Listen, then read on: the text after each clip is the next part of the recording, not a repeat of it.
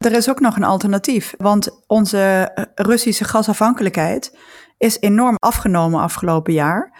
En als wij de hobbel nemen weg van het Russisch gas en we hebben alternatieven, ja, dan hoeft die prijs natuurlijk ook niet meer hoog te worden. NPO Radio 1 EO Podcast. Geld of je leven. De vraag van vandaag met Sandra Flippen en Sander Heijnen. Mijn naam is Hans van der Stegen. De vraag van vandaag gaat over energie, beste mensen. Mijn energiecontract loopt af, vraagt iemand zich af. Uh, blijven de energieprijzen hoog of gaat de daling doorzetten die we deze dagen uh, zien? Nou, wat denken jullie? Niemand weet het. Laten we daarmee beginnen. Disclaimer 1. nou, nou ja, dat is het lastige. Kijk, die energieprijzen zijn natuurlijk vooral hoog vanwege die oorlog in Oekraïne. Uh, als daar opeens de vrede uitbreekt en het gas weer gaat stromen door pijpleidingen die uh, naar mijn weten zijn opgeblazen. Uh, dus dat zal niet zo heel snel gebeuren.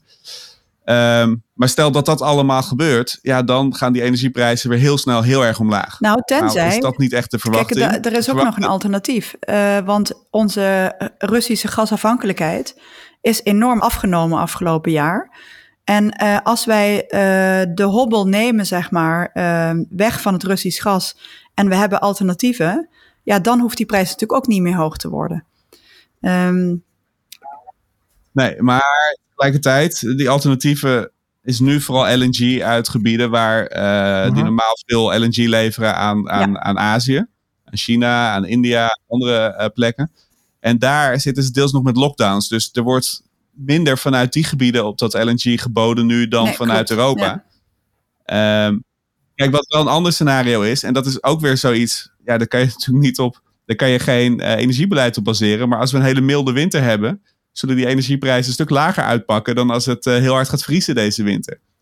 Um, maar de indruk die ik wel heb, um, en ik weet niet echt, ik weet niet hoe jij daarnaar kijkt, Sandra, want ik zeg het een beetje over de duim, maar de indruk die ik heb is dat we nu uh, die enorme stijging die we gezien hebben, is dat dat voortkomt uit de paniek die er was. Van oh jee, we hebben straks niet genoeg energie. Dus ieder bedrijf, uh, ieder land, die hebben allemaal voor zich, hebben elkaar als een gek zitten overbieden om maar zoveel mogelijk gas in die gasvoorraden te stoppen.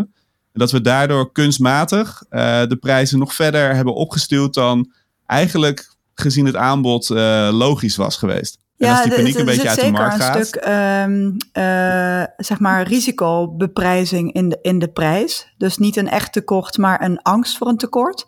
En, um, uh, en, en dat zou. Um, dat zou in theorie ook uh, eruit kunnen gaan naarmate we onze Russische gasafhankelijkheid uh, naar nul uh, weten terug te schroeven. aan de andere kant, zoals jij ook zegt, ja, de alternatieven die zijn ook steeds riskanter. En jij noemde al vloeibaar gas. Uh, dat is inderdaad een risico. Uh, ook een risico wat voor de winter van 2023 nog steeds heel groot is. Misschien zelfs wel groter dan deze winter. Um, en volgens mij is er ook een risico dat um, bijvoorbeeld uh, elektriciteit uit waterkracht, um, de kolencentrales in Duitsland, maar ook de nucleaire centrales in Frankrijk, dat die niet op volle capaciteit een alternatief kunnen bieden door klimaatverandering. Want um, dat klinkt misschien een beetje gek, maar we hebben deze zomer gezien dat de Rijnwaterstand uh, zo laag is geworden door, door de hitte en de droogte. Um, dat eigenlijk de schepen niet meer rendabel naar Duitsland konden komen met de kolen voor de centrales. Het grondwater in Frankrijk was te warm om de centrales uh, genoeg te koelen om veilig uh, op volle capaciteit te draaien. En in, in, in de Noorse landen was gewoon te weinig water voor uh, de volledige waterkracht. Dus dat komt er wel ook nog bij. En dan, um, ja, dan, dan denk ik wel dat de risico's rond energie wel lang hoog blijven. Ik was wel uh, uh, verbaasd, uh, want je, je, je ziet Sander dat het heel, eigenlijk heel groot nieuws is als die prijs daalt. Hè. Afgelopen dagen, ik keek het 8 uur journaal, dat was gewoon een big item. Wat, wat zegt dat eigenlijk over ons dat we, er, dat we er zo mee bezig zijn met, die, met, met, met de hang naar dat het weer naar beneden gaat?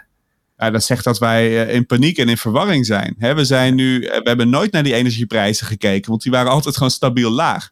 Dus dat was nooit een ding om echt naar te kijken. We hebben af en toe wel van die, van die bumpjes aan de pomp gehad. Hè? Als er ja. ergens eh, iets met olie eh, was, met een oorlog in, de, in het Midden-Oosten of wat dan ook.